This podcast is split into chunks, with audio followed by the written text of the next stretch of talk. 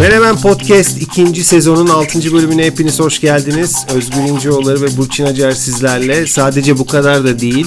İki alana bir tane de bedava. Üç kişiyiz bugün. Çünkü bir de konuğumuz var. Hatırlarsanız e, karantina döneminde podcastimize konuklar almıştık. Menemen Podcast'te renk katmışlardı.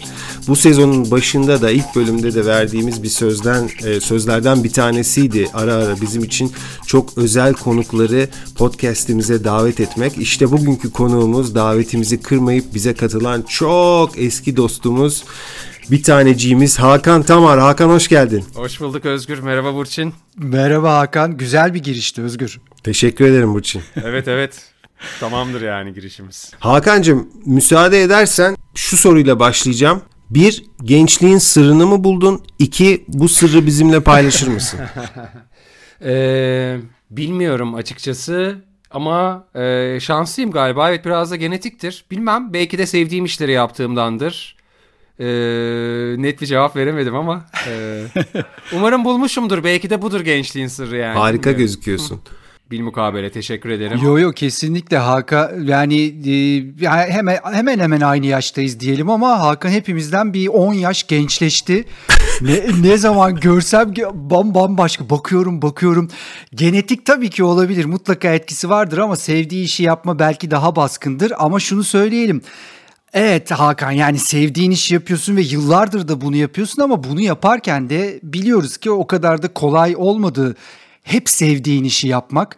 Türkiye'de zaten pek kolay değildir insanların sevdiği işi yapması. Hele de bu kadar uzun süre. O kolay olmayan anları belki keskin virajları da konuşmak isteriz. Ee, dolayısıyla yani bu kayıt içerisinde senin son dönem plak şirketi işte şu anda başlayan mod onun işte YouTube performansı, Radyo Eksen bunlara gireceğiz ama o e, senin o gerçekten ödün vermediğin yolda giderken yaşadıklarını bazılarını biliyoruz bilmediklerimizi de bazılarını da paylaşmanı isteyeceğiz. Yani bu programda çok şey konuşacağız. Seve seve. Güzel. Hadi başlayalım. O zaman kronolojik gidelim eğer sizler için de uygunsa. Yani böyle geçmişten başlayalım bugüne doğru ilerleyelim. Tabii bugünü daha çok yoğun konuşacağız. Özellikle senin söylediğin şeyleri daha çok yoğun konuşacağız. Ee, işte e, plak şirketini konuşacağız. E, programlarını konuşacağız ama şöyle bir eskiye gidersek 90'larda 90'ların ortalarında tanıştık biz. Tanışmamız nasıl oldu? Yani mesai arkadaşlığımız var, birlikte çalışmışlığımız var. Onları biraz hatırlayalım. Mesela e, Hakan Burçin'le ilk tanıştığın günü hatırlıyor musun? Bayağı hatırlıyorum Yeni Bosna Number One tesisleri. tabii ki, tabii ki hatırlıyorum. Ya o milattan önceye dönüyoruz yani şu anda. Güzel. 25 yıldan fazla oldu evet. E, hatırlıyorum tabii ki biz radyo olarak e, mevzulara Londra'dan başlamış ekip e, ani bir kararla Türkiye'ye dönmüştük ve zaten bu Türkiye'nin e, Türkiye'ye dönüşün hemen akabinde bir sürü şey e, cereyan etti. Sizlerle tanışmamız zaten hep bu Türkiye'ye dönüşten sonra oldu. Bunun e, kısa bir zaman sonrasında oldu.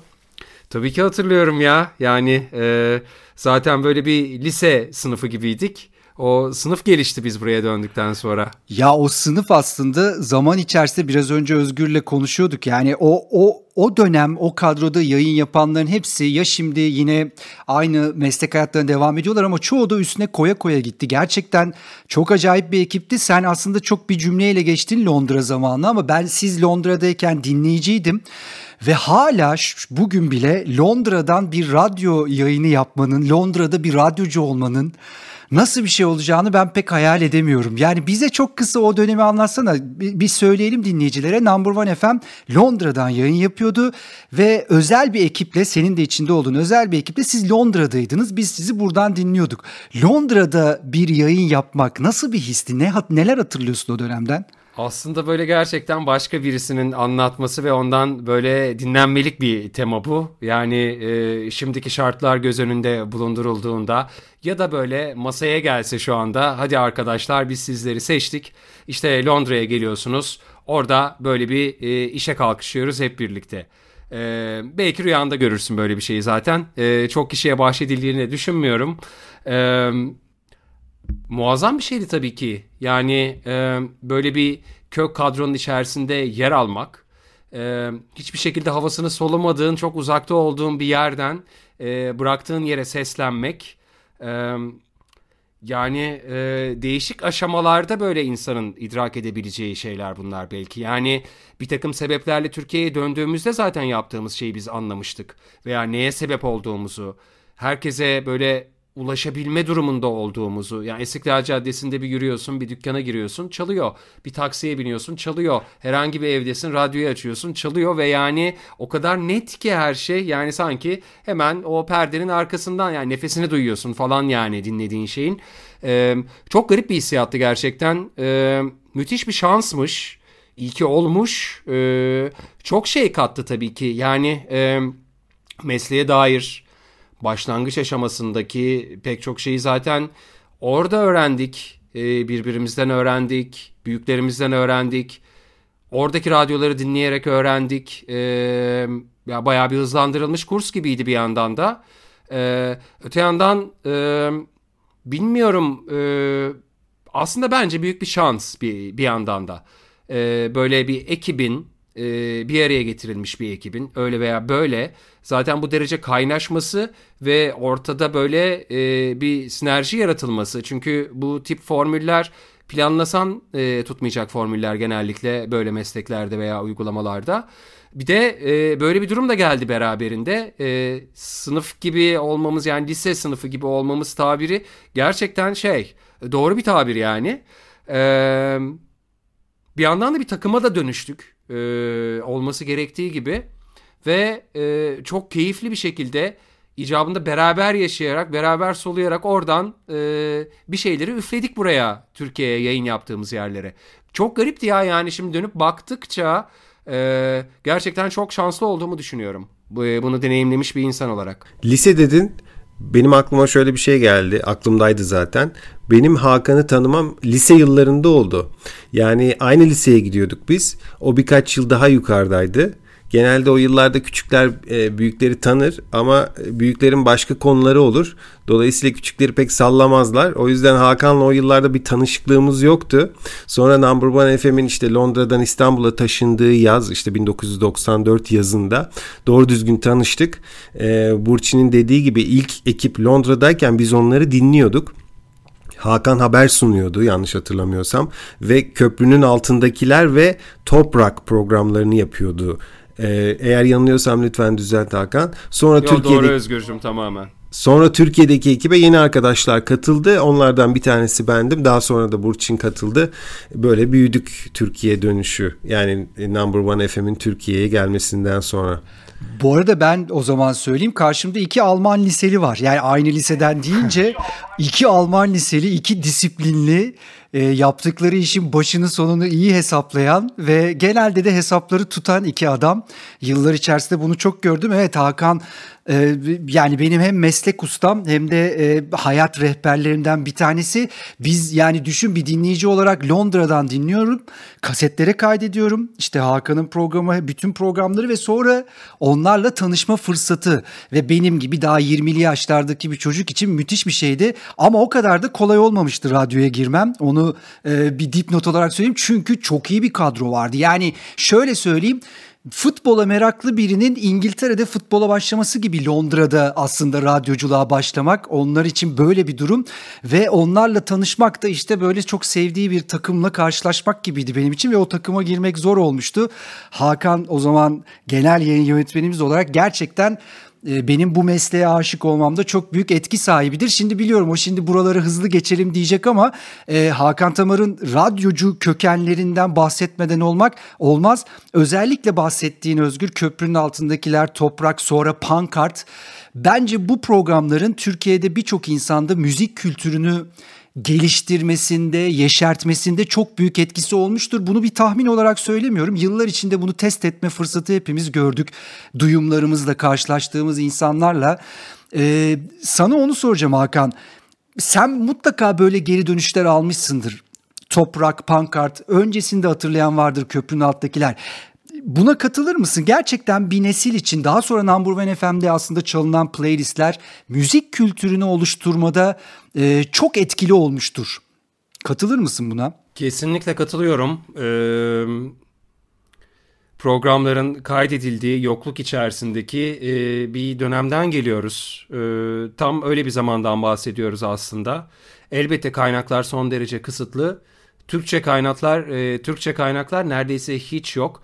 E, dolayısıyla bizim o yaşlarda o halimizle yapmaya çalıştığımız şeyler e, tabii ki bir yere oturdu. E, kıymetliydi kesinlikle ve bir karşılık buldu. E, bunu hala böyle hissediyorum e, bazı sohbetlerde bazen e, denk geldiğim insanlarla yaptığımız konuşmalar içerisinde. İşte biz seni kasete kaydederdik, tekrar tekrar dinlerdik vesaire. Aslında bizim de çok yaptığımızdan da farklı bir şey de değil. Biz de bazı programları kaydederdik, tekrar tekrar dinlerdik, öğrenmeye çalışırdık onlardan. Ne bileyim... ee, ya aslında bu e, çok sabıkam da var tabii ki. Ee, yani bazı şarkıları duyuyorum örneğin. Aa diyorum e, bunlara biz toplantılarda karar vermiştik bu şarkının çalınmasına. İşte radyoda çalmaya başlamıştık. Diğer radyolar çalmaya başlamıştı. Dolayısıyla bu zaten bazı insanların gençliğinin e, soundtrackleri oldular. E, bunlara biz sebep olduk. Tabii o zaman çok fazla bunların farkında değildik tabii ki. Yani nereden farkında olacağız? E, zaman geçtikçe anlaşılıyor pek çok şey. Eee... Ama bu böyle bir hep bir gülümseme yaratıyor tabii ki. Ee, ister istemez insanın hoşuna gidiyor. Ee, daha başka bir bakış vardı elbette radyoya. Daha fazla radyo insanların hayatının içerisindeydi. Ee, daha değişik bir bağ vardı o programları yapanlarla, onları dinleyenler arasında. Ee, ve e, beraber büyüdük. Ee, çok e, garip böyle hazlar barındıran içerisinde e, beraberinde tabii sorumluluklar da getiren sonrasında tabii anlaşılan e, aslında müthiş bir tecrübe ve müthiş bir yaşanmışlık hepsi bir arada yani. Tam, tam cevap verdim mi bilmiyorum Burçin ama e, beni götürdün şu anda sen de o zamanlara götürdün yani onu söyleyeyim ya sana. bunu tabii muhatabın söylemesi bu cevabı vermesinin zor olduğunu kabul ediyorum. Bunu çünkü e, hissettiğini tahmin ediyorum ama buna cevap vermek zordur. O zaman şöyle diyeyim ondan sonra Özgür'e pası atacağım. Belki bunun cevabını biraz sonra alırım. Evet bence bir kültür yarattı birçok insan için. Ama mesela senin bakış açınla işte köprünün altındakiler, toprak, pankart. Bu seriye baktığında birbirlerinin dönemsel olarak farklılıkları ya da birbirini etkileyen e, noktaları ben kişisel olarak çok merak ediyorum. Çünkü bir çizgi var orada aslında. Bu sadece zamanın değişimiyle ilgili bir çizgi değil bence. E, bununla ilgili yorumunu almak isterim ama bu biraz daha e, geniş olabilir. Bir Özgür'e pas atacağım. Sen bunu düşünürken bu üç programın bir, bir şeyini, bir çizelgesini isteyeceğim senden biraz sonra. Burçin sen az evvel Hakan'ın disiplininden bahsettin. Ben de bir başka özelliğinden bahsedeyim. Çünkü işte dediğim gibi 90'lardaki mesai arkadaşlığı arkadaşlığımızda çok e, yaşadığımız bir konuydu. Şimdi bizim genel yayın yönetmenimiz de Hakan. E, Hakan'ın ben e, disiplini ve tutkulu yani bu işe olan tutkusundan bahsetmek istiyorum. O kadar tutkulu bir adamdı ki e, hala da öyledir eminim. 20'li yaşlarında bir enerjisi de vardı tabii. Mesela bir şey ters gittiği zaman biraz da herhalde mükemmeliyetçilikten dolayı böyle bir anda sinirlenirdi Hakan. Ben onun bazen böyle e, alev alev olduğu dönemleri hatırlıyorum. Böyle bazen sinirlendiği zaman böyle ellerini falan da açardı böyle e, sinirlendiği konuyla ilgili böyle başlardı saymaya. Dolayısıyla o böyle tutkusunu gösterirdi. Ha, ne konuda olduğunu hatırlamıyorum. Hangi konulara sinirlenirdi hatırlamıyorum ama böyle bir e, nasıl diyeyim hızlı parlayabilecek bir yapısı vardı Hakan'ın. E, elbette bunun içerisinde tabii biraz ergenlik de var tabii ki. e, ama ana ham madde galiba şey de olabilir. Yani sen sana düşeni yapmışsın ama yine de olamıyor bir türlü başka dinamiklerden, başka faktörlerden. Bu e, doğal olarak bir isyan yaratıyor. Elbette bu derece veya işte ekibe bunu yansıtmak e, biraz amatörce belki. Ama zararlı bir amatörcelik de değil bu. Bundan da çok şey öğrenilebilir. E, ama dediğin çok doğru. E, çok deliriyordum bir takım durumlara. e, ve bunu dışa vuruyordum. Eee ama bir yandan da tabii ki böyle parlamalar e, çok çabuk olduğu gibi çok çabuk da e, söylenebilir de oluyordu tabii ki. E, en azından içimde kalmıyordu. E, umarım e, bazıları e, olumlu şeylere yol açıyordu. E, çok fazla bir şeyi yıkıp e, onarılmaz hale getirdiğimi düşünmüyorum ama yine de. Ama tabii çok delirdiğimi bazı şeylere hatırlıyorum tabii ki. E, çünkü doğru mükemmelliyetçilik var. E, herhangi bir hataya mal yok. E, sonuçta ciddi bir şey yapıyoruz. İnsanların karşısındayız. E, bir sebepten dolayı oradayız. E, ona göre de yaptığımız şeyi ciddiye almalıyız ve hakkını vermeliyiz. E, bunlarla ilgili bir takım bizden kaynaklanmayan şeyler elbette ki e, sinirlendiriyordu. Doğrudur. Evet. Ama sonuçta hep gülümsüyorduk. Aynen. Ee, bunu da vurgulamak gerekiyor. Gülümsemenin Aynen. ötesine geçiyorduk. Bayağı eğleniyorduk bence. Bu arada o dediğin şeyden işte hani belki parlamalardan işte şu anda hafızamızda filtrelendiği haliyle bizde o tutku olarak kaldı. Yani seni hepimiz çünkü o par... E, tutkuyla çok alakalı Burçin Kesin. tabii ki tutkuyla çok alakalı. Yakıcı bir şey çünkü sonuçta zaten orada bir kesişim kümesi var yani bayağı yüksek. Tabii ki çok alakalı elbette. Bir de o zamanlar tabii ra- e, radyolar arası rekabet şimdikinden daha keskindi. Yani e, ciddi bir rekabet vardı ve bu rekabette de işte ön almak için hani işte bir şarkıyı gidip fiziksel olarak alacaksın. Onu önce çalmak için bir fiziksel performans sağlayacaksın. İlişkilerin iyi olacak. Karşındakine güveneceğim vesaire vesaire. Yani çok ciddi bir rekabet vardı. O yüzden de o rekabet içerisinde de hep ön almak bir de her gün bunu yapmak e, bazen evet o, o gerginlikleri yaratıyordu ama bir şekilde bizi belki biraz da besleyen e, onlardı diyebiliriz. Yani o rekabetin sıcaklığını hala yaşıyoruz ve bunlar bize çok büyük deneyim olarak kaldı diye düşünüyorum ben. Ya yani şimdikinden biraz farklıydı galiba o zaman radyolar arası yarış. Ee, çok katılıyorum sana Burçin. Ee, daha motive ediyordu tabii ki bizi. Bir e, futbol sahasındaki gibi e, nefeslerimizi duyuyorduk birbir, birbirimizin ve rakiplerimizin. Ee, rakip tabii ki ne kadar iyiyse sen e, daha iyi olmaya çalışıyorsun. E, bu da böyle karşılıklı gelişimi de hızlandıran bir faktör tabii ki daha farklıydı. Ee, daha organikti bir yandan da. Ee, bir yandan da şey de değildi aslında. Yani a e, bir aşamada geride kalmışsın. Okey olabilir. Yani sonuçta sen de gol yiyeceksin. Ama önemli olan bir fazla gol atabilmek. E, dolayısıyla zaten e, devamlılık da bunu beraberinde getiriliyor e, yapılan işe dair. E, ve bu devamlılık içerisinde işte şey gibi aslında el el üstünde oynamak gibi bir yandan. Ama tabii o el altta kalınca e, biraz sinirler de gerilebiliyordu. Çünkü bir de devamlı bir canlı yayın içerisindesin. E, onun getirdiği bir takım durumlar da var. Yani e, canlı yayın içinde olmayan insanların kolay anlayamayacağı bir şeydir bu. Onun adrenalini vesairesi, o işte delikanın akması, e, takım ruhu. E, ama e, ya gerçekten çok lezzetli ve keyifliydi. Bel altı durum yoktu. Ee, aslında yani e, normal şartlarda e, değişik takımlarda da olsak pek çoğumuzun böyle e, güzel hukuk kurabileceği de ortadaydı. En baştan bir kalpten bir müzik aşkı vardı doğal olarak. E, ve herkes elinden geleni yapıyordu.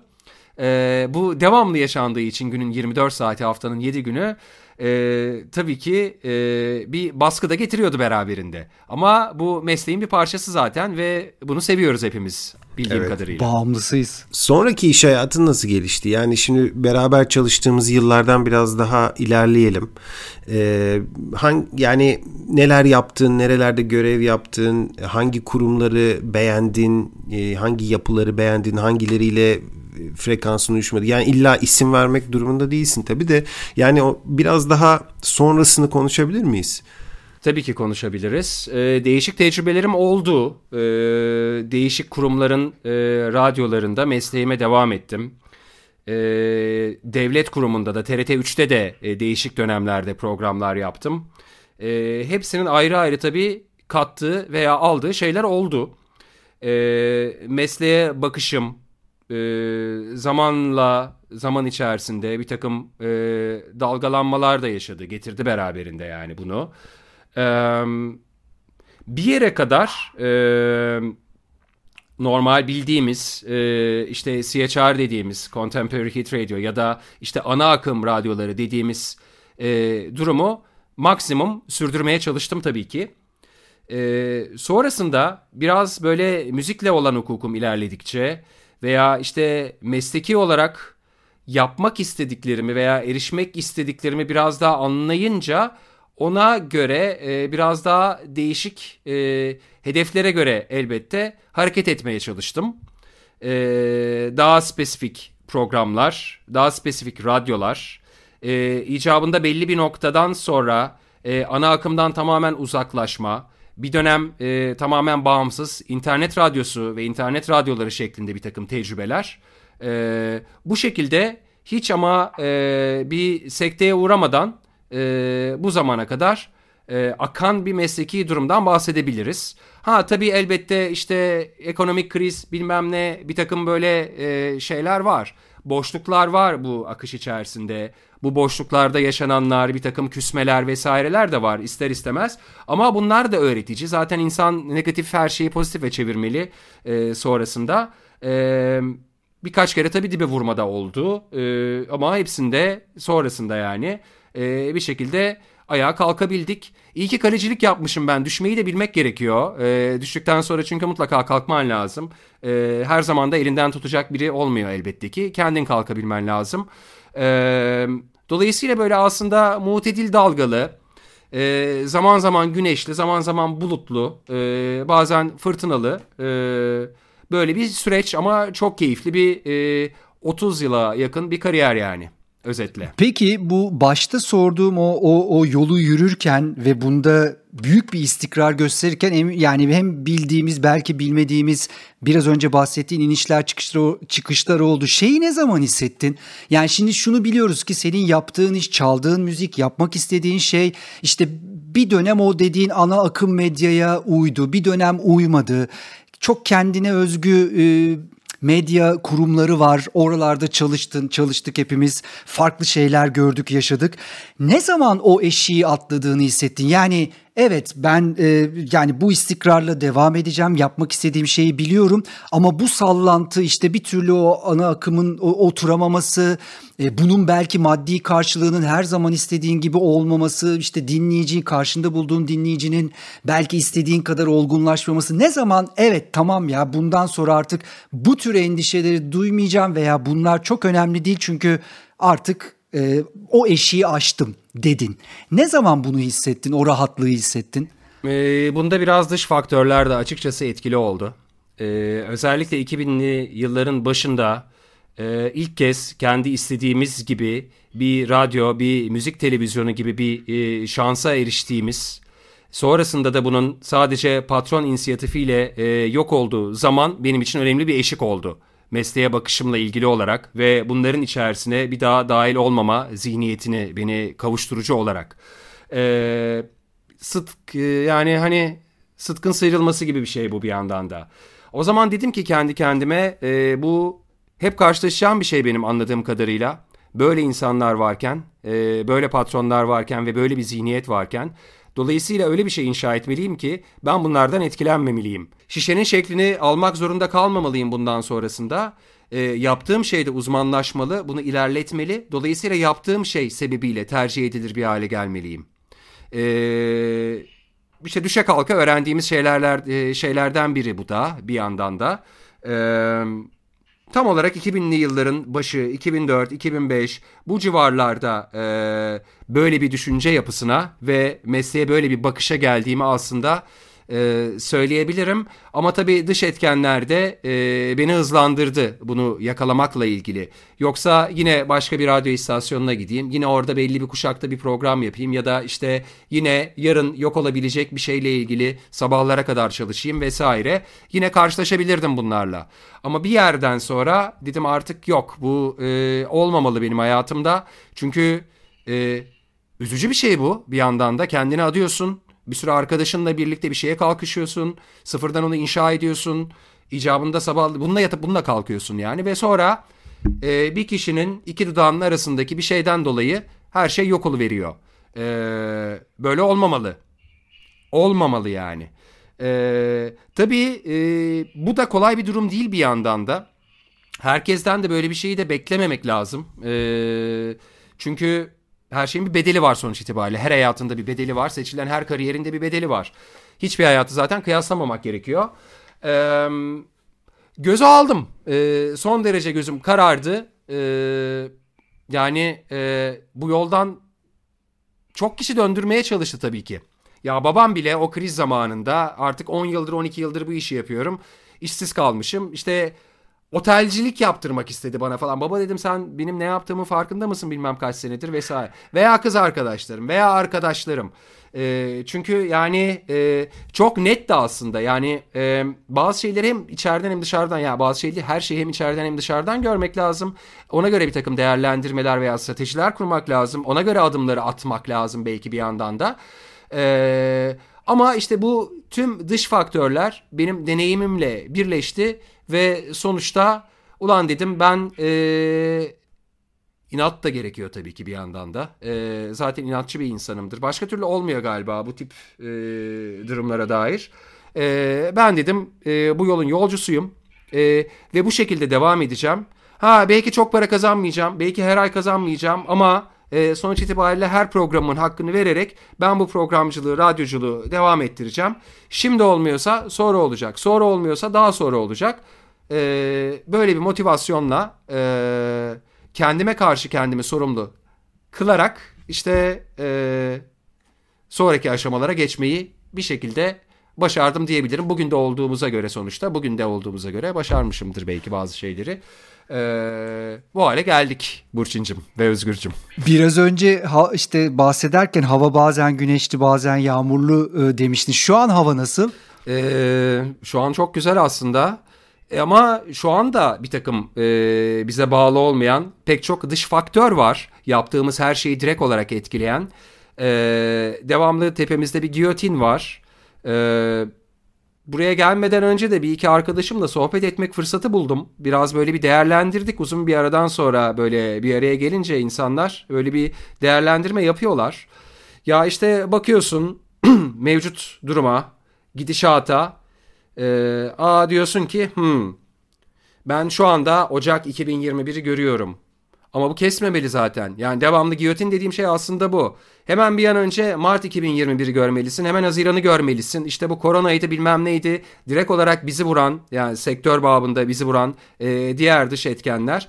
E, buna yönelik olarak da işte atı bir değil birkaç kazığa bağlamak vesaire pek çok e, durumu e, barındırıyor içerisinde. E, bunun da olumlu tarafları var. Nasıl hırsın da olumlu tarafları varsa bu seni zinde tutuyor. Böyle şeylere çevirmek gerekiyor galiba. Hayattan öğrendiğimiz bir takım şeyler bunlar işte. Bunu işte dirayete, disipline, sabıra, e, yani düşce, düştüğün zaman kalkabilmeye falan filan çevirmen gerekiyor. Çünkü gerçekten silindir gibi geçiyor, gidiyor hayat. Bu coğrafyada, bu dünyada, bu zamanda her şekilde. O yüzden ben de bu şekilde biraz takılmaya çalışıyorum. Ee, hep bir sonraki adımı yani satranç oynar gibi bir yandan da. Çünkü bu bütün geleceği etkileyecek. Ee, ve gelecek önemli. Daha yapacağımız çok fazla şey var. Ee, madem öyle diyorum kendi kendime dışarıdan hiçbir şekilde etkilenmeyecek bir hale getirmeliyim yaptığım şeyi. Ee, sürekliliğini, tutarlılığını.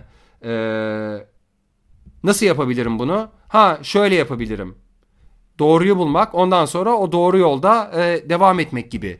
E, tam nasıl anlatabilirim bilmiyorum ama e, şu anki bayağı ana enerji kaynağı bu gibi olabilir. E, hayatı yapılanları devam ettirmeye dair. E, bayağı bunun içerisindeyim gırtlağıma kadar. E, doğal olarak işte bir yandan işte radyo durumu e, devam ediyor. Her hafta bir şekilde o programları bu hayat silsilesinde ve her şeye rağmen yumurtlamayı başarıyorum. Çok ilginç. Bayağı bir makine gibiyim yani. İşte label bir yandan devam ediyor. E, onun da bir devamlılık göstermesi lazım. Pek çok hayata dokunuyorum ve hiçbir şeyi şansa atamam. Çok önemli. Yani orada 22 yaşındaki çocuk da var, 53 yaşındaki de var. İşte o da var, bu da var. Ee, başlı başına çok önemli bir sorumluluk. Ee, sonrasına dair arkamızdan gelenlere örnek olmamız gerekiyor bir yandan.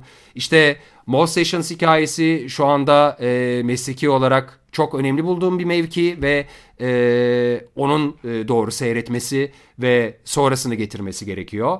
Aslında bir yandan işte birkaç Hakan olsa biri o radyo ile uğraşsa biri diğeriyle uğraşsa falan biri bazen kitap okusa falan işte arada e, sahilde geçse falan filan gibi ama e, hepsini bir cambaz gibi yaptığımız şey zaten cambazlık bu hayat içerisinde bir sürü top çeviriyoruz aynı anda düşürmeden. Eee sürdürmeye çalışıyorum. Tam olarak yaşadığım şey aslında bu ve aslında galiba yaşadığımız hayat bu. Ee, öyle veya böyle. Bu yolun yolcusuyum dedin. 30 yıldır e, bu yolda yürüyorum dedin. Müzik dünyasının içerisindesin Hakan. Ben şunu merak ediyorum. Hem Türkiye'de hem de dünyada yaşanan, müzikte yaşanan büyük değişimleri bize nasıl özetleyebilirsin? Yani bugünün müziği nasıl? E, oyunun kuralları ve bütün dinamikler çok fazla değişmiş vaziyette tabii ki. Teknolojinin gelişmesine paralel olarak, insanların alışkanlıklarına paralel olarak, hızlı tüketime paralel olarak e, çok daha değişik bir oyun oynanıyor. Ha bakış açım da şu madem oyun bu şekilde o zaman madem de bu oyunun içerisindeyim ve bu oyunu oynuyorum o zaman çok iyi oynayabilmeliyim.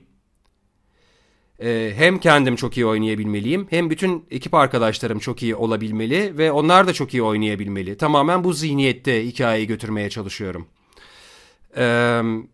Yine elbette ki e, şöyle bir şey Özgür aslında e, bir yandan çok küçük hissediyor insan kendini. Çünkü sen ne yaparsan yap aslında e, mevzunun %10'unu %20'ni %20'sini etkileyebiliyorsun. Senden çıktıktan sonra bu iş o şarkılar yapıldıktan sonra yayınlandıktan sonra devasa başka bir durum ortaya çıkıyor. O da mevzunun %80'ini ve bütün geleceğini etkiliyor. Şu anda e, aslında bayağı e, buna yoğunlaşmış vaziyetteyim diyebilirim. Çünkü oyunun o tarafının gerçekten çok e, önemli olduğunu net bir şekilde idrak etmiş vaziyetteyim. Bunu iyi oynayabilen ve bunu iyi e, öğrenebileceğim e, bir takım arkadaşlarımla bayağı mevzulara kafa patlatıyorum. E, şöyle bir iddiam varsa işte belli bir seviyenin üzerinde olduğunu düşünüyorsan kafaca, vizyon olarak vesaire e, yani ben daha akıllıyım diyebiliyorsan nacizane lütfen yanlış anlaşılmasın o zaman göster bakalım bu oyunu güzel oyna. Böyle de oynanabileceğini göster. Bu acayip bir takım böyle e, misyonlar da barındırıyor zaten içerisinde. E, durumu e, bu şekilde kotarmaya çalışıyorum ee, çok fazla şey tabii e, işin içine dalınca öğreniyor insan ama e, deniz gibi bu. Ne kadar kafanı daldırdıkça daha derin olduğunu görüyorsun. E, çok daha fazla elbette yine öğrenilecek şey var. E, ama e, gördüğüm bir takım paneller, dönen bir takım şeyler... E, Belki de şu anda e, bayağı geçici bir dönem yaşıyoruz biz e, ve herkes majörler vesaire bu sektörün içerisindekiler bir takım geçici ve şimdilik kendini e, kendilerini kurtaracak şeyler bulmuş vaziyetteler. Ama e, bayağı sosyolojik açıdan da hikayeleri ele almak lazım ve gerçekten çok sağlam bir e, analizi gerekiyor şu zamanın ki e, sonrasına dair atacağın adımlar doğru olsun. Çünkü sadece kendinden mesul değilsin. Az önce bahsettiğim gibi pek çok insanın bundan sonraki hayatından mesulsün. Dolayısıyla aslında e, belki de baş güdü hiçbir şeyi şansa bırakmamak olmalı. O yüzden her şeye çok net bir şekilde hakim olmak, çok iyi öğrenmek ve çok iyi uygulamak gerekiyor şu zamanda. Öyle bir halde e, müzik sektörü yani. E, çok fazla oyuncu var. Bundan çok fazla nemalanmaya çalışan oluşum var. E, kısa vadeli veya orta vadeli planlarla şu anda e, durumu domine edenler var. E, ama öte yandan bunun bir de bir bağımsız tarafı var e, yatsınmayacak bir güç haline gelen bir bağımsız taraf var. Aslında e, yine öyle veya böyle e, ikiye ayrılıyor. Yani beyaz siyah gibi, iyi kötü gibi. E, bilmiyorum ne kadar bir zaman içerisinde belki bazı şeyler daha oturur ve daha net şeyler söyleyebilirim bunun gidişatı ile ilgili veya ileriye yönelik olarak. E, ama ben yine bazı şeyleri bayağı aslında sallantıda görüyorum. Eee çok acayip bir zamanla şahitlik ediyoruz aslında. Zaten bu sadece müzik sektörüyle ilgili değil. Hayatın da pek çok değişik bir e, zamanına şahitlik ediyoruz. İleride belki baktıklarında hani biz yeni çağ dedik bilmem ne dedik. Fransız ihtilali vesaire. Hani bir çağın bitmesi bir çağın başlangıcı. Yani belki bu internet durumu e, sonrasında adlandırılacak bilmem ne çağının başlangıcı. Hiçbiri yokken vardık. Her, hepsi başladığında olduk. Şu anda hepsi devam ediyor yine varız hepsini yaşayan olan yaşayan böyle bir, bir jenerasyonuz biz. E, dolayısıyla böyle sağdan vuruyor, soldan vuruyor, sağdan vuruyor, soldan vuruyor. Elbette belli bir sallantıdan sonra bazı şeyler oturacaktır. E, ben de tam net kestiremiyorum çünkü gerçekten çok fazla şey sallantıda. Yani her şeyle ilgili olarak. Ya bilmiyorum biraz dağınık mı konuşuyorum tam böyle sorduğun şeye cevap veriyor muyum bilmiyorum ama e, bu benim hissiyatım. E, o yüzden de böyle e, dikkatli olmaya ve hep doğru adımları atmaya çalışıyorum. Ee, pek çok kez sağlamasını yapıyorum e, düşündüğüm şeylerin ve ona göre de uygulamaya çalışıyorum. Yani böyle bir hal içerisindeyim aslında. Yani biraz önce anlatı aslında şeye katılıyorum. Hatta onunla ilgili bazı şeylerde o okudum okuduğum için son zamanlarda hoşuma da gidiyor. İşte bizim içinde bulunduğumuz kuşak için işte bir analog tarafı bir dijital iki tarafı da gören bir geçiş bir gerginliği de yaşayan ama kendini ve sonrakileri öbür tarafa atmaya çalışan böyle değişik bir halde olduğumuzu düşünüyorum ben de. Bunun da faydalarını da zararlarını da görüyoruz. Biraz önce sen e, oyunu oyunun kurallarını iyi anlayıp Buna göre doğru oyunu oynamaktan bahsettim biraz önce. Senin karakterin aslında e, karakterine baktığımızda da biraz oyun değiştirmeye yönelik oyunu değiştirenlerden biri olacağını da tahmin edebiliriz diye düşünüyorum. Bu çünkü çok tartışılıyor. Yani oyun derken müzik sektörü bununla ilgili bileşenler insanlar şeyleri bile konuşmaya başladılar işte stream şirketleri aslında yüzde kaç o almalı yüzde kaç artist almalı falan filan bunların hepsinin aslında tekrar konuşulduğu dijitalle beraber belki tekrar e, başka yerlere konumlanacağı bir dönemdeyiz. Oyunu kurallarına göre iyi oynuyorsun. Oyunu değiştirmekle alakalı bir motivasyon görüyor musun kendinde ya da böyle bir ihtimal e, buluyor musun? Sen ve seninle beraber tabii ki bir, bir ekipten bahsediyoruz. Sadece sen değil ama en azından bu dönemde oyun değişecek mi? E, kesinlikle. Bunun için e, mümkün olan her şeyin e, yapıldığını aslında gözlemliyorum. E, sadece Türkiye'de değil, global olarak. E, dolayısıyla zaten e, buna yönelik bir e, hamlede bulundum yakın geçmişte. E, tamamen bağımsız olan e, ve global e, bir takım yapılarla birlikte çünkü hepimiz aynı dertlerden muzdaribiz e, ve birbirine yakın güzel şeyleri amaçlıyoruz. E, yapılacak bir şey varsa birlikte yapılacak. Elbette bireysel olarak da yapılabilecek çok fazla şey var. Mevzu zaten direkt olarak şu anda ağacın gövdesinden iki dal olarak ayrılıyor.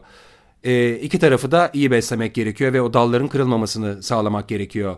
Bireysel olarak da yapabileceğimiz çok fazla şey var. Yapabilmeliyiz çünkü yapabiliriz. E, birlikte olarak da. E, senin sorduğun soru e, tamamen bunun birlikte yapılacak tarafına e, işaret ediyor. E, bununla ilgili hala hazırda zaten e, yurt dışı kaynaklı bir takım e, hareketler aktifler. E, ve bu hareketler zaten e, Türkiye'de de bir takım hamlelerde bulunmayı amaçlıyorlar. Çünkü burada da önemli bir pazar var.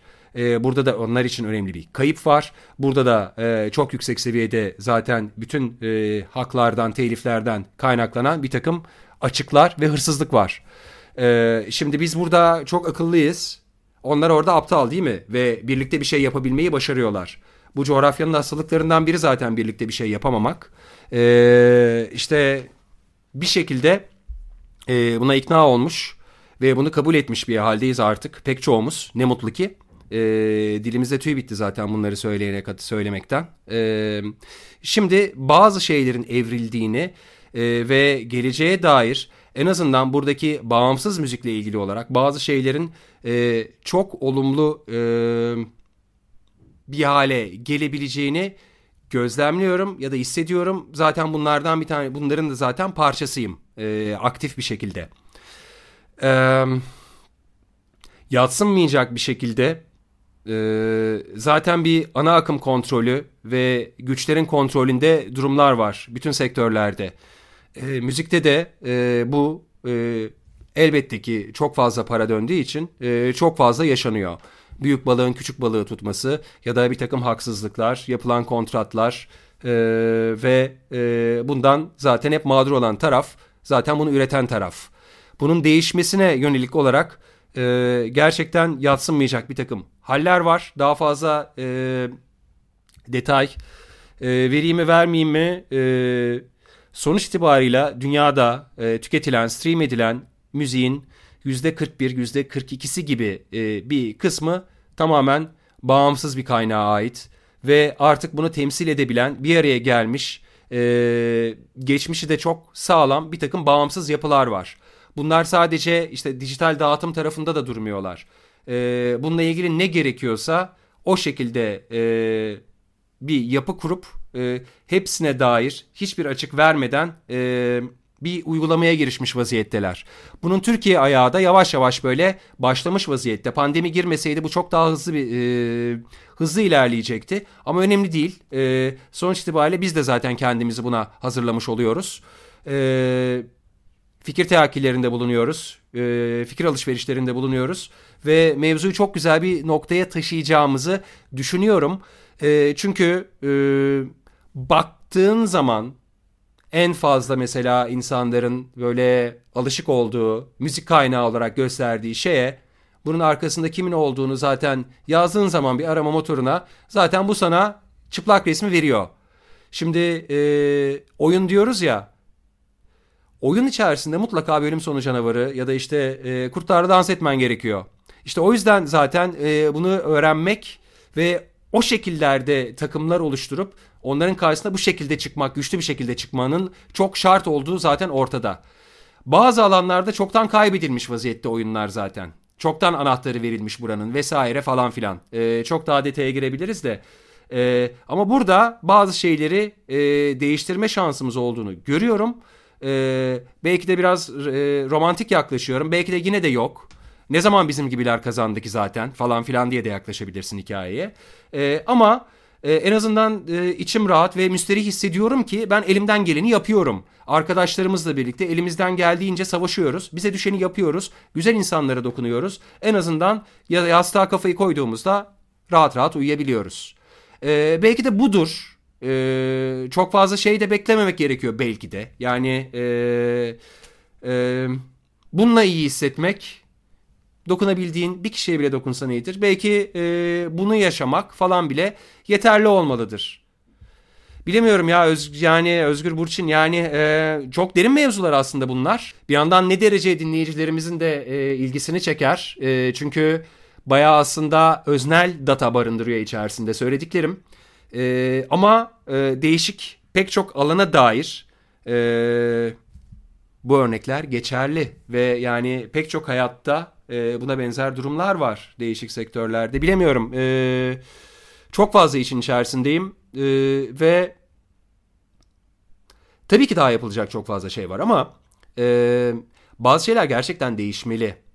E, neyin iyiye gittiğini gördük hayatımızda. E, bilmem kaç yaşımızdan beri, ergenliğimizden beri. E, neyin e, insanların yararına geliştirildiğini ya da uygulandığını görüyoruz. E, o yüzden e, finalde zaten hep iki taraf arasında cereyan edecek her şey. İşte Amerika'da cumhuriyetçiler, demokratlar ha ikisi aynı bilmem nenin laciverdi aslında bir anda. Burada bilmem ne bilmem ne işte siyahla beyaz. İşte bazı ülkelerde hani 3-4 tane takım var. İşte Fenerbahçe, Galatasaray, Beşiktaş. İşte orada 4 falan. Ama sonuç itibariyle illaki ve illaki mevzu bir yandan böyle e, yine doğru bir tabir mi bilemiyorum ama işte iyi ile kötünün savaşı. Ee, ve çoktan çok yerlere varmış vaziyette bizim karşımızdakiler. Biz belki uyurken çalıştılar e, veya çok bel altı e, pek çok hamlelerde bulundular. Ama yine de e, zekamızla, kalbimizle e, pek çok şeyi çevirebileceğimizi düşünüyorum ve bunun için uğraşıyorum. Evet bunlar öz, öznel datalar içeriyor haklısın. Ben şunu soracaktım sana Hakan. Yani çok öyle oldu. Ben çok fazla şu anda bunların içine dalmış gibi hissettim bir yandan ama e, konuyu da dağıtmak istemiyorum tabii ki. Hay bu bu kötü değil bence o içinde bulunduğumuz dönem insanların biraz da bu işe kafa yoranları dinlemek istediği bir dönem. Podcast biraz bunun içinde kullanılıyor Türkiye'de iyi de oluyor. Çok fazla Ya Burçin lafını bölüyorum ama çok özetle aslında bazı insanların biraz inisiyatif alması gerekiyor. E, artık o e, kendi alanlarında o direksiyonları ele almaları gerekiyor. Çünkü yine biz de şu kısacık hayatımızda bile gördük ki biz bir şey yapmazsak gerçekten hiçbir şey değişmeyecek ve olmayacak. E, o yüzden diğer insanların da bu tip insanlarla birlikte aynı amaç doğrultusunda iyiye yönelik olarak, güzele yönelik olarak da artık o taşın altına elini koyması gerekiyor. Bunu çok net ayyuka çıkmış vaziyette artık zaten yani. Bu kesin ve sen bunu işte biraz müzik özelinde tabii sadece müzik konuşmuyoruz şu anda onu hepimiz farkındayız ama biraz müzik özelinde söylüyorsun. İnsanlar bunu siyaseten de birilerinin konuşmasını bekliyorlar. Birçok konuda aslında toplum böyle şeyler bekliyor. Gün ışığının, güneş ışığının geleceği böyle yarıklar, aralıklar bekliyor. Sen müzikte biraz onu aralı, aralamaya çalışıyorsun. O yüzden dinleyenler için önemli şeyler söylüyorsun. Birçok konuda insanların böyle beklentileri var. O yüzden podcast bunun için çok uygun bir mecra. Şu an bir televizyonda olsaydık yönetmen bize kes kes kes falan yapacaktı. Ha, tabii canım. Ama şu anda çok daha rahatız. Dinleyiciler de aslında bu tip şeyleri bence duymak istiyorlar. O yüzden de e, öznel de olsa girmekte fayda görüyorum. Özgür. Ben şu soruyu soracaktım ama artık gerek kalmadı. Ben diyecektim ki bağımsız bir e, plak şirketi kurma fikri nasıl çıktı diyecektim ama senin anlattıklarından zaten aldım ben onun cevabını. Neden böyle bir şeye girdin? Amacın neydi? E, bunu zaten anladım. Dolayısıyla daha böyle somut bir soru soracağım. Şunu soracağım. Bize biraz sanatçılarından bahseder misin? Nasıl gidiyor? Hani e, keyif aldığına eminim ya da zorlandığın noktalar var mı? Biraz daha böyle sanatçı özelinde konuşabilir miyiz ki e, yani gerçekten çok iyi işler çıktı bence. E, biraz onlardan konuşalım. Dediğin gibi kaçınılmazdı e, böyle bir hamlede bulunmak. E, şansım da yaver gitti. E, bunu doğru zamanda tetikleyen e, doğru şeyler oldu ve ben de hayata geçirmeyi başardım. Evet takribi olarak e, 15-16 aylık falan bir geçmişe sahip e, bu plak şirketinin kuruluşu.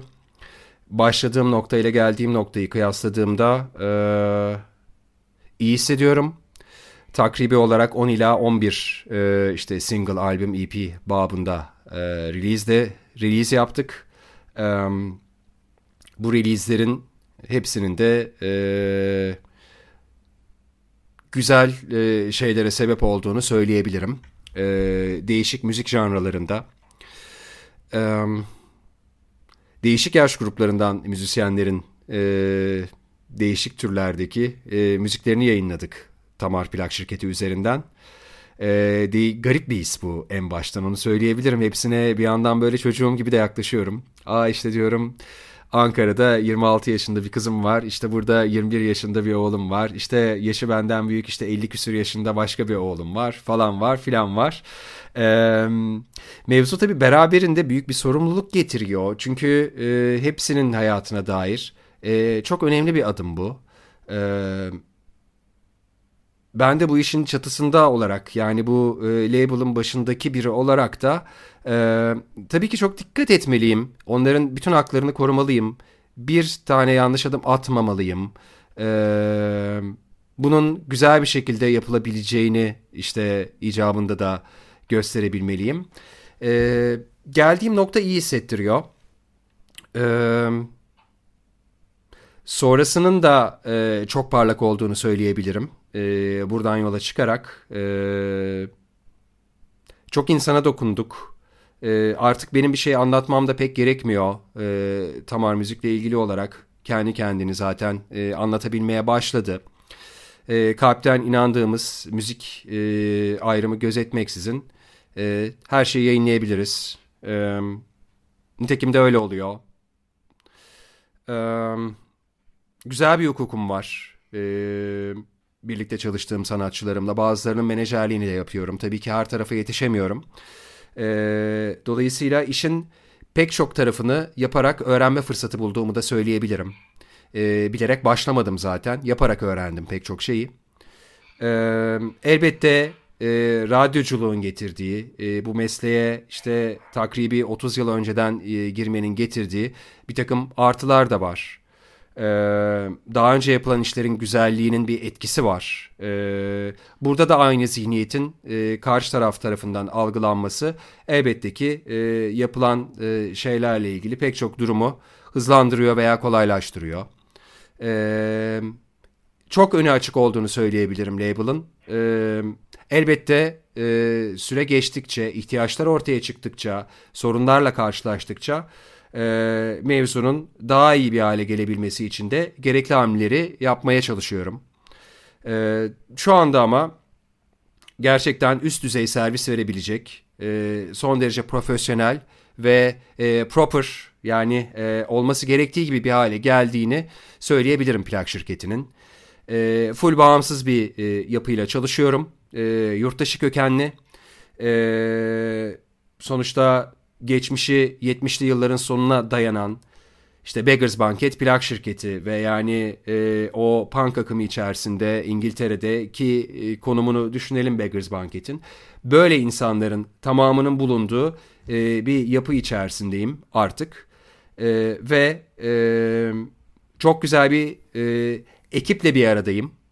E, bu ekip sayesinde de temsil ettiğim sanatçıya gerekli her tür e, servisi verebilir bir hale gelmiş durumdayım. Yoksa zaten tek başımaydım her seferinde. Şimdi beraber içinde bulunduğum yapının verdiği bir hizmet sebebiyle bu bir tercihtir tabii ki. E, son derece üst her tür dijital dağıtım, fiziksel dağıtım, old school PR, yeni şekilde PR veya işte aklına ne gelebilecekse label servise dair e, öyle profesyonel bir hale e, getirdim plak şirketine. E, bu e, pek majörlerde olan bir yapı da değil olması gereken bir yapı. Tabii e, tırnak içerisinde e, Türkiye'ye dair e, bunu söylüyorum. E, yurt dışında durumlar farklı olabilir. Dolayısıyla oyunun geldiği bu hal içerisinde bize en yakışır bir şekilde bu e, durumu uygulamaya çalışıyoruz. E, mevzu mesela ne gibi bir durumda e, cereyan ediyor? Şöyle bir örnek vereyim mesela.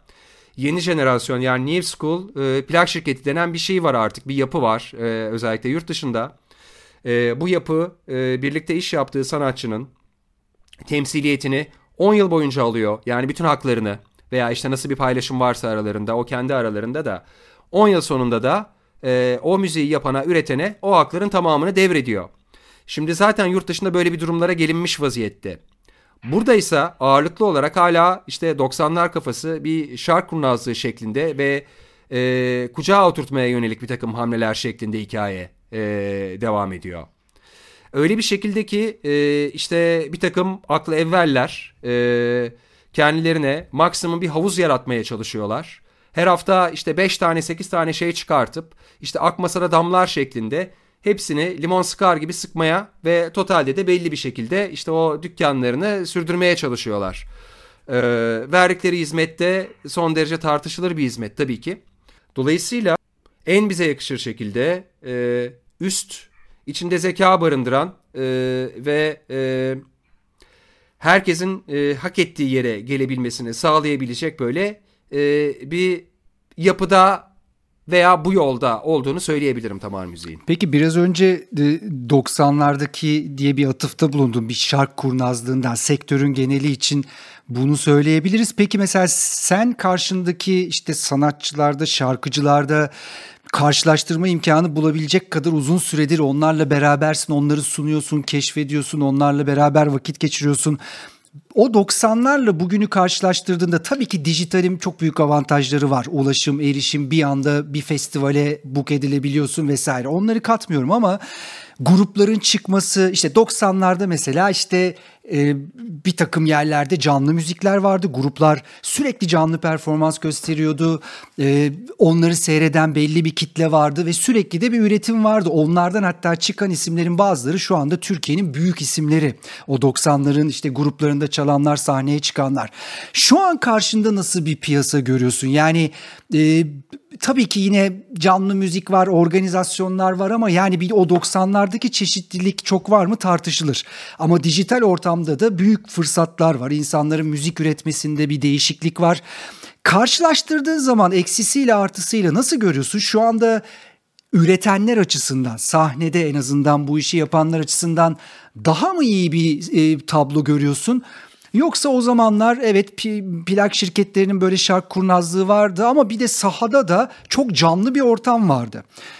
Yani biraz karşılaştırdığında ne görüyorsun karşında? Şöyle aslında tabii ki 90'lar dinamikleri daha farklıydı. Ee, yurt dışındaki bir takım e, örneklerden de yola çıkabiliriz aslında. İşte yeni bir grup var. Ee, bu grubun belli bir potansiyeli var Elbette o potansiyelle bırakmamak gerekiyor. Bu bir sektörse o potansiyelin maksimumuna bu grubu nasıl eriştirebiliriz? İşte masanın bir tarafında plak şirketi oturuyor. Bir tarafında işte o gruptan işte has eleman oturuyor. Diğer tarafta atıyorum MTV oturuyor. Diğer tarafta NME oturuyor. İşte Franz Ferdinand'ın e, parlatılması ve patlatılması hikayesi. E, şimdi hepsinin bir takım artıları ya da eksileri var. E, günümüzde Elbette erken kalkan yol alır hikayesinden e, 90 sonlarında 2000'li yılların başlarında belli bir popülariteye e, ulaşmış ve hala yıkılmamış en üst kaşeleri alan e, ve hala popüler olan pek çok grup zikredebiliriz. E, özellikle rock camiasında. E, çok çabuk aklımıza gelebilir zaten bunların isimleri.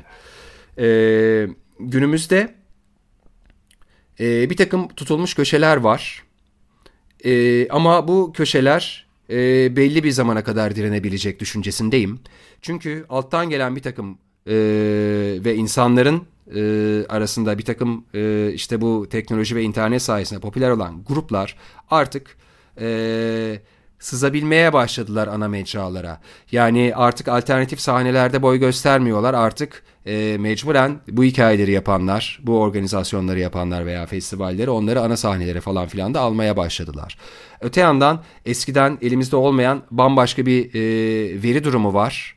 E, pek çok insanın kale aldığı bir takım rakamlar var. Bir takım e, dinlenme rakamları, bir takım seyredilme rakamları. E, bunlar da bir takım belli bazı kararlara e, etkide bulunabiliyor. Tabi orada dönen bir takım başka şeylere hiç girmiyorum şu anda. E, tam kıyaslayacak olursak aslında e, ülkenin müziği açısından e, oldukça önemli bir dönemdeyiz. Ve insandan insana yayılan e, ana akımına etki edemediği e, pek çok durumla karşılaşıyoruz. Bir anda ben bunları bazı önemli müzikal vakalar olarak zaten inceliyorum. Nasıl oldu da bu grup buradan buraya geldi bu kadar zamanda? Neyi doğru yaptılar veya ne yaptılar da böyle oldu? Çünkü incelenmesi gerekiyor. Çünkü yani e, çok şey anlatıyor e, bu işin içerisindeki birine. İnsan faktörü denen şey çok önemli. E, gerilla hikayesi çok önemli. İnsanlardan insana yayılma durumu. Buna işte ana akım tarafındakiler veya işte o köşeleri tutanlar çok fazla artık mani olamıyorlar. Onlar başka yollara başvurmaya başladılar. İşte bir takım fenomenler vesaireler, bir takım işte e, e, daha başka yöntemler falan filan babında. Ama işte 20 sene sonra 30 sene sonra falan bu zamana bakıldığında e, acaba bu zamana dair hangileri anılacaklar? Veya hangileri bunların kalıcı olacaklar? Bu zamanın belgeseli yapıldığında içinde hangileri olacak? E, bu da işin başka bir tarafı tabii ki yani. E, şimdi elbette biz e, pek çok açıdan e, geriden geldiğimiz için burada oturmamış da bir müzik endüstrisi var sonuç itibarıyla. Her şey 20 yıl geriden ya da 30 yıl geriden. Tabii ki bir takım e, bu konulara dair e, efektler de belli bir zaman sonra herhalde e, fark edilecek veya vuracak bir takım bazı insanları. E, o yüzden hala 90 zihniyetiyle ilgili e, bir takım uygulamalar e, geçerliliğini korumaya devam edebiliyor. Ama hızla sona yaklaştıklarını da söyleyebilirim. Peki Umarım mesela... da öyle olsun zaten yani. Umarım öyle olsun. Yani o etkiyi görmek için herhalde o kadar beklemeyeceğiz diye düşünüyorum. Çünkü çok anlık o etki tepkiyi hissedebildiğimiz için mesela... Ya bir de Burçin çok önemli başka bir faktör var. E, artık oyun alanı sadece Türkiye değil zaten oyun alanını artık bütün dünya olarak almak lazım. E, global bir durum var. E, bu yatsınmayacak bir şey. E, buraya dair, burada üretilen yeni e, şeylere dair zaten e, yurt dışı kökenli de zaten bir eğilim var veya bir merak var. E, bizim adını sanını duymadığımız veya genel insanların adını sanını duymadığı pek çok grup dünyada pek çok yere gidip konser veriyor. Değişik müzik türlerini yapan pek çok metal grubu oralara buralı. Yani e, bir de böyle şeyler de var. E, yani bu artık bazıları için sonun başlangıcı artık bazıları için de geri dönülemeyecek şeyler abi yani tabiriyle. Evet, evet o dip dalgasının artık e, görünür dalga olduğunu söylemek mümkün. Yani dip dalgası olarak başladı ama çok daha kuvvetli geliyor. Ben de katılıyorum ona. Özgür'e pas atmadan o dediğin süreç içerisinde Mod Sessions'ı nereye koyuyorsun? Şu an YouTube'da başlayan dördüncüsü oldu galiba en son. Doğru. Dördüncüsü yayınlandı. Müthiş bir iş var Büyük bir emek var orada. İşçilik açısından çok büyük bir emek var. Dinlediğimiz şey hoşumuza gidiyor. Gördüğümüz görüntü bizi tatmin ediyor. Sorular, e, senin o gruplarla e, belli o organik olarak ilişkilerin ya bunların hepsini bir araya getirince gerçekten kalifiye bir iş çıkmış diyebiliriz. Mesela Mod Sessions'ı bu sürecin neresine koyuyorsun? Yani hem kişisel hikayende hem de şu anda güncel olarak verdiğin mücadelede. Ee, teşekkür ederim öncelikle. Ee, herkes elinden geleni yaptı zaten Mo Sessions ile ilgili olarak. Ee, kim hangi işi yapıyorsa hakkını vermeye çalıştı. Ee, böyle geri dönüşler almak çok kıymetli gerçekten de. Ee, ben de çok memnunum gördüğümden, duyduğumdan. Ee, grupların fıstık gibi çalmasından. Ee, çünkü bir belge bırakıyoruz. Ee, sadece şimdiye yönelik bu şartlar sebebiyle gerçekleştirilmiş, kotarılmış falan bir şey değil zaten Mod Sessions. Sadece orada 5 e, şarkı çalıp da e, gitmedi gruplar. Bu bayağı e, geleceğe de kalacak ve bunun pek çok açılımının olmasını da istiyoruz. Nitekim e, işte Radyo Eksen'de her hafta bu sessionlarda yayınlanıyor. E, podcast olarak e, her hafta bölümler yayınlanmaya başlandı. Durumlar düzeldiğinde bunların konser ayaklarını planlıyoruz. E, bunun kreması da e, umarım e, buna dair e, bir plak çıkarmak olacaktır. E, John Peel Sessions gibi bir Mall Sessions 2020 plağı 16 grubun yer aldığı bir e, seçki çünkü bu. E, elbette ki e, tüm yapılanlar içerisinde e, çok önemli Mall Sessions. E, aynı hedefe attığımız kurşunlardan biri ama mevcut şartlarda işte işin içine gören, görüntü girmesi e, ve etkisi e, çok yüksek tabii ki. E, bayağı bütün yapılan her şeyin e, bir nevi meyvesi gibi zaten. E, bu şey gibi işte 30 yılın sonrasında once in a lifetime ya hayatta insanın e, karşısına bir kere çıkabilecek e, bir e, durum gibi. E, öyle de algılıyoruz zaten. E, çok şeye gebe olacağını düşünüyorum. E, çok şeye dönüşeceğini, e, çok insanı gülümseteceğini düşünüyorum sonrasında zaten. E, amaçlarımızdan biri burada üretilen e, güzel şeylere dair bir referans olması. E, zaten seri tamamlandığında baya bir rengi de ortaya çıktığında e, baş kaynaklardan biri olacaktır bu coğrafyaya dair, burada üretilen müziklere dair. E, elbette bunun ikinci dalgasını da amaçlıyoruz. E, cebimizde daha çok fazla kurşun var. E, geçmişi bayağı öncesine dayanan bir çalışma aslında bu.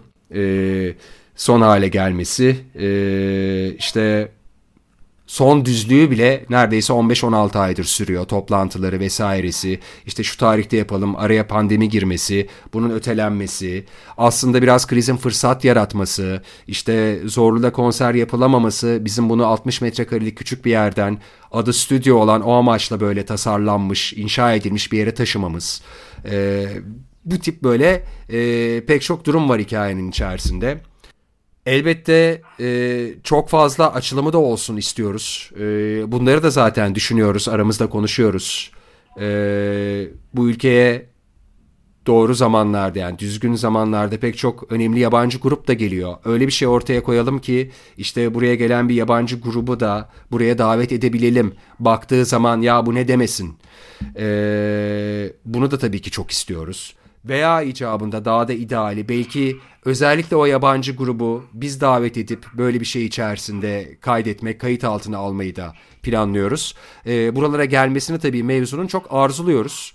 E, başlangıç adımı olma e, olmasını, ya yani başlangıç adımı olarak e, ben çok olumluyum e, şu ana kadar gördüğüm ve duyduklarımdan. E, bir bizim de tabii ki bir rüştümüzü ispat etmemiz gerekiyor. E, hayat içerisinde de vardır öyle bir kereye mahsus geçmen gereken köprüler. E, pek çok köprüyü zaten geçtik daha geçeceğimiz de bir takım köprüler var. E, bu hikayenin yani Mod Sessions durumunun e, değişik zamanlarında hayatımıza sızacağını ve e, değişik gruplarla tekrar ve tekrar e, uygulanacağını düşünüyorum. Bunun için mümkün olan her şeyi de zaten yapacağım. E, gerçekten bu derece önemli. Bütün bu hikayeler için. Radyo programı, plak şirketi, işte bu ta yani şey gibi aslında bu. Ee, hani daha önce de konuşmanın e, geride bıraktığımız kısmında değinmiştik. Bireysel olarak da insanın yapabileceği çok şey var. Birlikte de yapılabilecek çok şey var. Burada hem bireysel yapılabilen çok fazla bir durum var hem de birlikte olarak da. Ee, o yüzden e, More Sessions hep olmalı.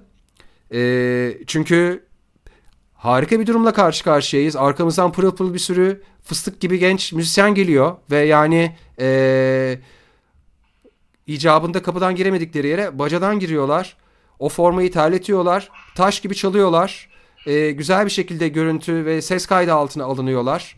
E, ve geleceğe bırakıyorlar, bırakılıyorlar, servis ediliyorlar. Yani e, bunun sürekli olması lazım. Zaten bizim icat ettiğimiz bir format da değil. Yani sonuçta özünde ne var? Bir canlı performans var. Bir de karşı konuşma, röportaj var. Yani şimdi bu e, zaten herhalde televizyon icat edildiğinden veya radyo icat edildiğinden beri zaten uygulanan bir şey. E, biz de bunu bize yakışır bir şekilde böyle ortaya koymaya çalışıyoruz.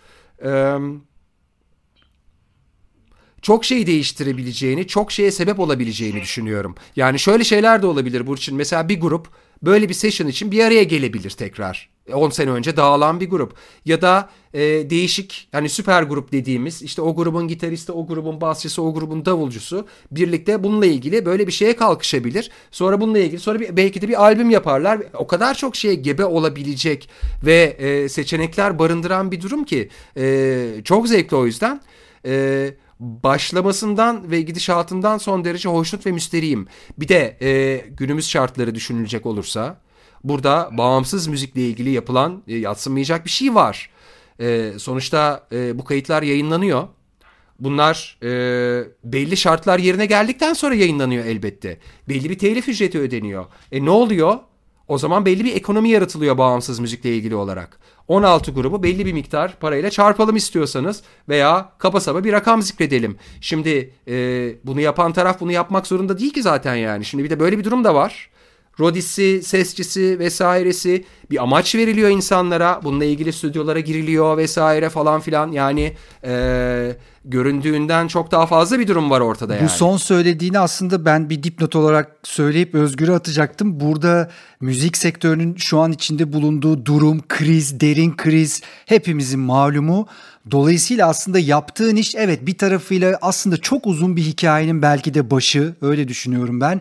Ama bir tarafıyla da çok güncel olarak işte çok uzun zamandır belki de bir şey kazanamamış, bir iş yapamamış birçok insan orada emek harcıyor. Bu çok belli. Dediğin gibi Rodisi ışığı yapan, işte sesle uğraşan ve sanatçılar konser yapamazken bir, bir para alıyorlar oradan bir şey kazanıyorlar kendilerini gösterme vesaire onun dışında söylüyorum. Dolayısıyla işin bu tarafı tabii çok reklamı yapılacak bir taraf olmasa da bence altı çizilmesi gereken bir durumdu. Onu sen biraz atıfta bulundun. Bu arada şey de söyleyelim e, bu bahsettiğimiz mod sessions'lar Zorlu Performans Sanatları Merkezi'nin YouTube kanalında pazartesi günleri bölüm bölüm yayınlanıyor. Pazartesiydi değil mi? Doğrudur. Pazartesi günleri bölüm bölüm yayınlanıyor. Dolayısıyla şu anda haberiniz olduysa her pazartesi yeni bölümünü e, izleyebilirsiniz. Bunu da bir dipnot olarak söyleyip Özgür'e pası atıyorum buradan. Ben sadece bir istek yapacaktım programla ilgili.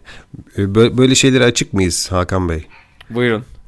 Şimdi şu Jules Holland'ın meşhur programı vardır ya hani piyanist e, ve müzisyen ve sunucu Jules Holland'ın Later with Jules Holland diye bir programı vardır. Şimdi ben onu sana çok yakıştırıyorum. O tip bir şey yapabilirsin aslında. Böyle birden fazla grubu bir stüdyoya doldurup Sonra işte sen onları suna suna böyle hani arkanı onlara döne döne veya onlarla beraber e, sohbet ede ede bir böyle birden fazla grubun da olduğu bir özel bir bölüm yapılabilir aslında. Sen şimdi süper gruplardan veya dağılmış bir grubu bir araya getirmekten söz ettin. Bunlar çok iyi fikirler. Ben de böyle bir fikir koyuyorum ortaya. Teşekkür ederim. Elbette e, tabii son derece kallavi bir operasyon o her açıdan. e, o alanı bulmak, e, gruplar okey zaten var bir sürü grup. E, bunun teknik altyapısı, birlikte uygulanması vesaire. E, E, tabii ki bu tip e, yapılan şeylerle ilgili e, çok güzel bir format. İşte Jules Holland yapıyor zaten bunu ve e, o şartlarda İngiltere'de yapılabiliyor. E, burada yapılabilecek olursa neden yapılmasın? Tabii ki. Yapılabilirse tabii ki yaparım. Yani tabii ki yapmak isterim. Kim yapmak istemez ki zaten yani e, bu işlere bulaşan. Harika da olur tabii ki öyle 4 grupla 5 grupla böyle bir şey kotarmak. Belki de Mod Sessions hikayesinin e, birkaç sezon sonrası böyle bir şey olabilir. Dediğim gibi o böyle uzun bir hikaye gibi aslında. Onun bir başındayız gibi hissediyorum ben. Ya iyice bağımsız aslında olması çok güzel olur bunun. Yani bağımsız derken şu şekilde yani e, atıyorum bir grubu gidip bir helikopter pistinde çekmek. İşte e, e, yani e, mekandan da bağımsız kılmak mevzuyu. Değişik şartlarda kayıt altına almak. İşte açıkta, yukarıda, aşağıda, bir bodrum katında vesaire falan filan gibi. Ya da başka bir şehirde, e, başka bir ülkede e, neden olmasın ki? Yani neden olmasın ki? Günümüz dünyasında yani. Peki e, aslında şimdi konuştuğumuz şeylerde plak şirketi, Radyo Eksen'deki programın Mod Sessions biraz bunlar birbiriyle çok ilişkili, birbirlerini iten çeken ama bir beraber büyüyen yapılar gibi geliyor. Şimdi tekrar bir biraz da sonlara geldik. Hem başa dönelim hem de birkaç tane de böyle bir e, yine anılardan bahsederek mesela Hakan Tamar efsaneleri vardır. Onlardan bir tanesini burada e, en azından açıklığa kavuşturalım. Ben mesela arkadaşlarıma söylediğim zaman inanan var inanmayan var. Bu senin bir, bir tane Nirvana konser biletin var. Bunu sonra ben bir yerde internette de okudum. E, bunu bize bir anlatsana. Yani olayı ne, ne diye düş, biliniyor? Efsanesine bunun Nirvana e, kör... Bileti alayım ben bir saniye. Ha, bir... Tam tarih vereceğim. Olayı da ben anlatayım Hakan gelirken e, Nirvana ya Kurt Cobain'in ölmeden önceki konserlerinden bir tanesi sanırım Londra. Londra konseri Hakan buna bilet alıyor gidecek. Ama Kurt Cobain e, sizlere ömür ve dolayısıyla o bilette o konsere gidemiyor ama bilette bir tarafından da bir efsane oluyor. Şu anda Hakan bize ee, gösteriyor vay be. Vay. Hakikaten öyleymiş. Tarihi söylüyorum. Bu tarih çünkü bir şeyler ifade eder. 3 Nisan 1994. Ee, Kurt Cobain'in ölüm tarihi neydi? Nisan 94'tü ama 6 Nisan mıydı? 4 Nisan mıydı? Ee, buna çok yakın bir tarihti diye hatırlıyorum ben. Bu Londra konseri yani Brixton Akademi'de Nirvana'nın vereceği konsere dair bilet 13.50 poundmuş e, ücreti de ayakta 5 Nisan 1994. Evet. E, zaten e, o gün radyoya döndüğümde yanlış hatırlamıyorsam e, Kurt Cobain'le ilgili durumu öğrenmiştim. Tabii ki yıkılmıştım çünkü zaten e, yani ya bir dakika tam hatırlamam lazım ya bunu. Şimdi 5 Nisan mı demiştin Özgür? Evet. Ha ben iptali öğrendim. E, sonrasında da zaten e, Kurt Cobain'in durumunu öğrenmiştim. Sonuçta zaten e, bu konser zaten olmayacaktı ve gelemeyecekti. Ne soruyorsun Burçin şimdi sen bu konusunda şimdi Nirvana ile ilgili bana? Ya bu bu bu bileti satsak ne kadar olur diye tipik bir Türk şeyi kurnazlığıyla bir şey soracağım. Koysak ne kadar olur? Çok değerli bir bilet değil mi o? Yani, yani e, neresinden bakarsan tabii bak. Nirvana sever bir insan için kesinlikle değerlidir. Ee, ama sadece bende de değildir. O yüzden böyle e, Bilmiyorum ne kadar böyle e, internette bir karşılığı vardır. Vardır vardır. Yani o biraz önce dediğim Hakan Tamer efsanelerinden bir tanesiydi bu ama şu an yani zaten aşağı yukarı biliyordum hikayeyi ama biletin çerçeveli halini görmek de hoşuma gitti. Başka efsaneleri... Ya çerçevetilmez mi yani Burçin? Yani. Başka efsaneler de var. Mesela benim de şahit olduğum yani ee, bilmiyorum onu nasıl hatırlarsın? Sizin Ayça ile beraber Rock'n Coke sunumunuzun olağanüstü bir, bir, bir gece. Ya zaten Rock'n Coke'u şimdi hatırlarken başlı başına insan bazen duygusallaşıyor. Zamanında nasıl olaylar yaşamışız? Hatta o zamanlar line-up'ları beğenmezdik falan. Şu anda öyle festival bulabilir miyiz, bulamaz mıyız tartışılır. Siz de Ayça ile sunuculuk yapmıştınız. Ha sonuncusunda ya da bir öncesinde tam net hatırlamıyorum onu. Ee, sonrasında da Rock'n Coke'da sunumlar oldu tabii. Ee, başta e, tek sunucuydum. Sonra Ayça ile de yaptık. Ee, dediğin gibi sonra ben alternatif sahneleri de bir süre daha devam ettirdim e, sunuculuk hikayesini. Ama Ayça zaten yani e, kardeşim gibi ve yani senin hatırladığın acaba şey mi ya? Erkin Koray konseri öncesi işte Ayça'nın oğlu vardı Memo. işte onu omzuma aldım Erkin Baba diye bağırtarak Bravo, böyle Erkin öyle, Baba. Memo'yu öyle sunmuştuk Erkin Koray'ı. Ee, ondan bahsediyorsun. Ama yani e, Ayça tabii e, çok eksantrik bir, bir karakter. E, anında dağıtabilir seni. E,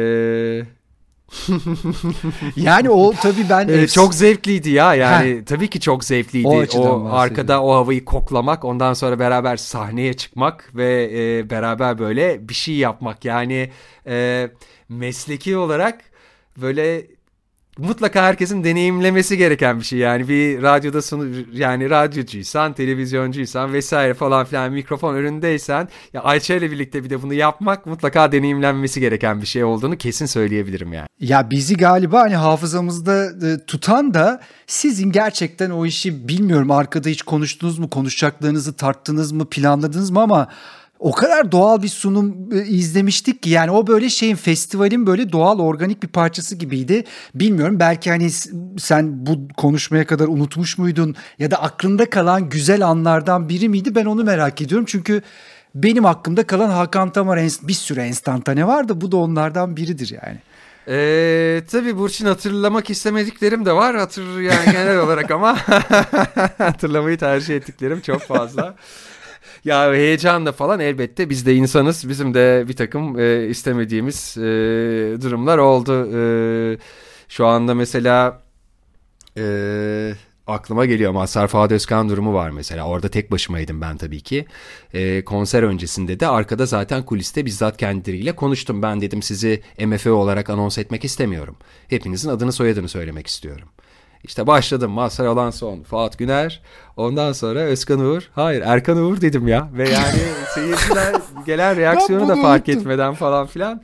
E, işte şey e, mesleki defekt bir yandan da. E, Doğru. Olabiliyor böyle şeyler.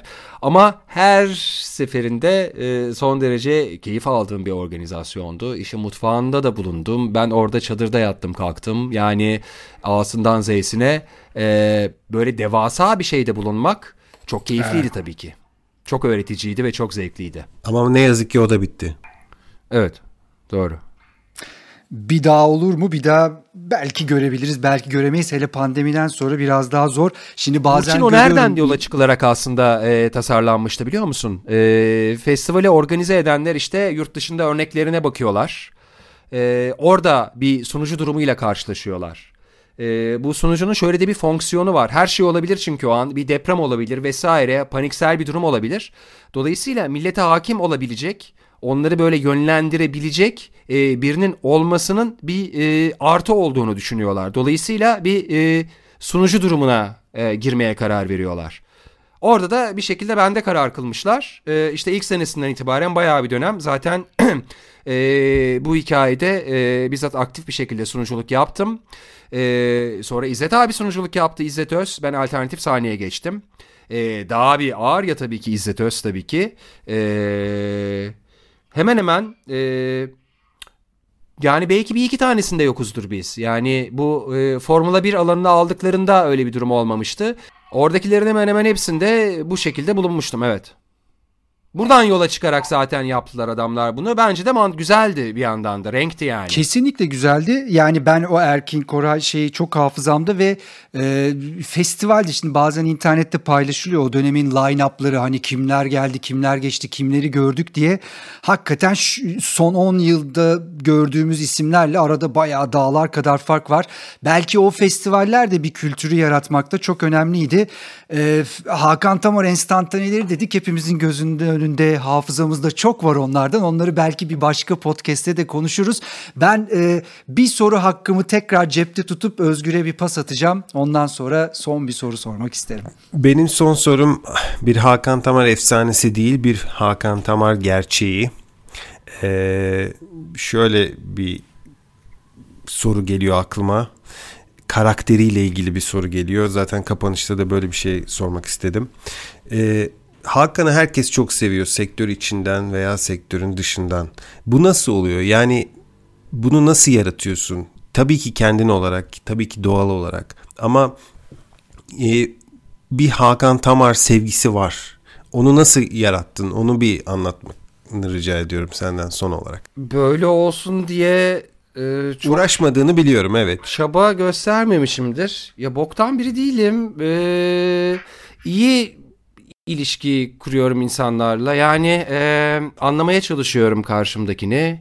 E, ne bileyim iyi şeyler e, yapmaya çalışıyorum. Yani bilmem nasıl oluyor gerçekten. E, tatlı biriyim Özgür ben. E, yani galiba biraz. Bir şeytan tüyü olduğu da bir gerçek tabii ki. E, ne bileyim hepsi bir araya geliyor herhalde. E, çocuk tarafım da çok var. Ne bileyim ben. Ya işte bu da galiba- Nasıl cevap vereyim buna oğlum ben yani şu anda.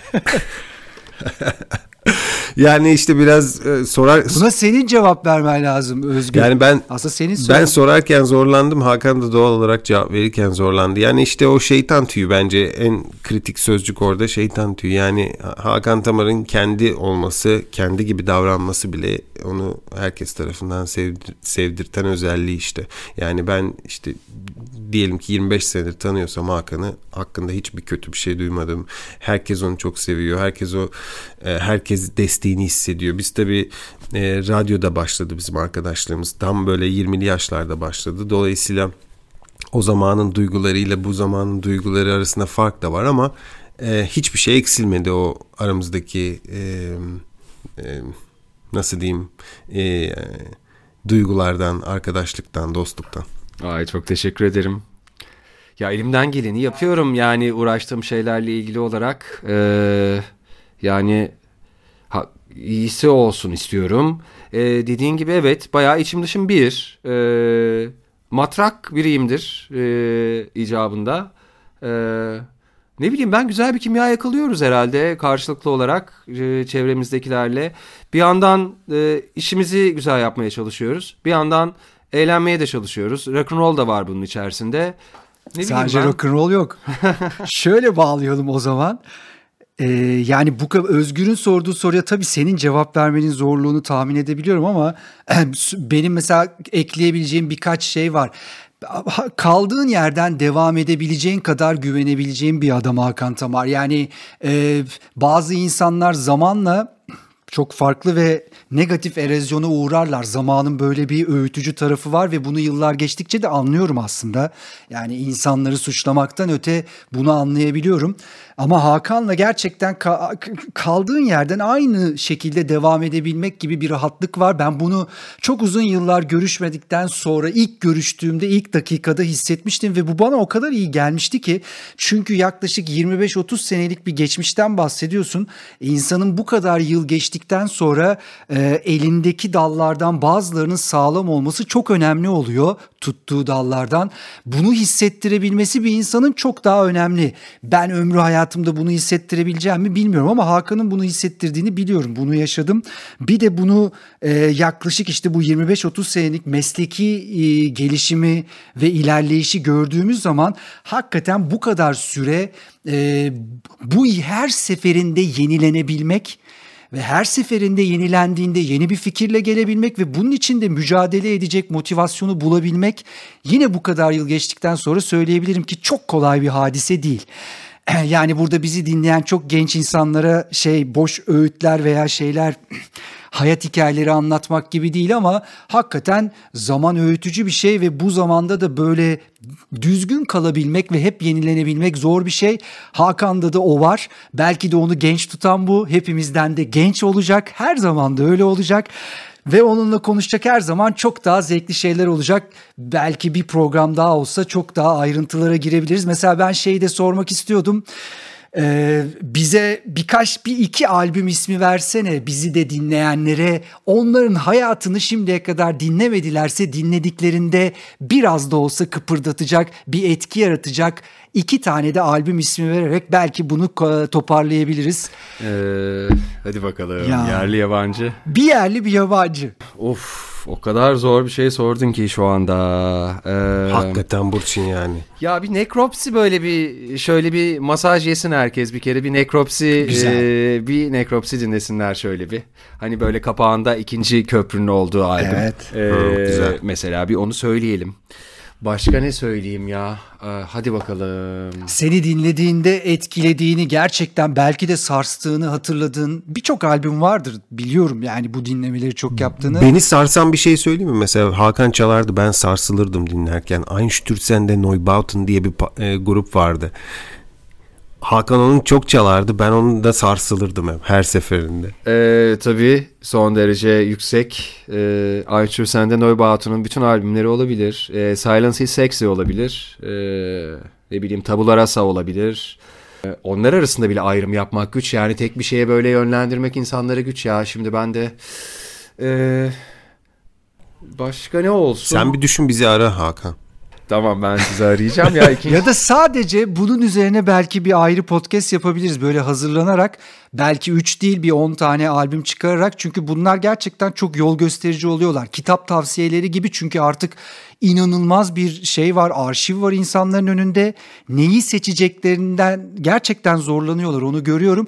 O yüzden böyle öneriler hele de biraz eskilerden olunca çok daha değerli oluyor. Belki bunun için başka bir ayrı bir şey yapabiliriz. Podcast yapabiliriz. Ben aslında bir mesai yapmayı bununla ilgili tabii tercih ederim. Çünkü e, böyle gerçekten e, net ve e, sağlam bir cevap vermek lazım buna. Dolayısıyla böyle ufak bir tarama faydalı olabilir.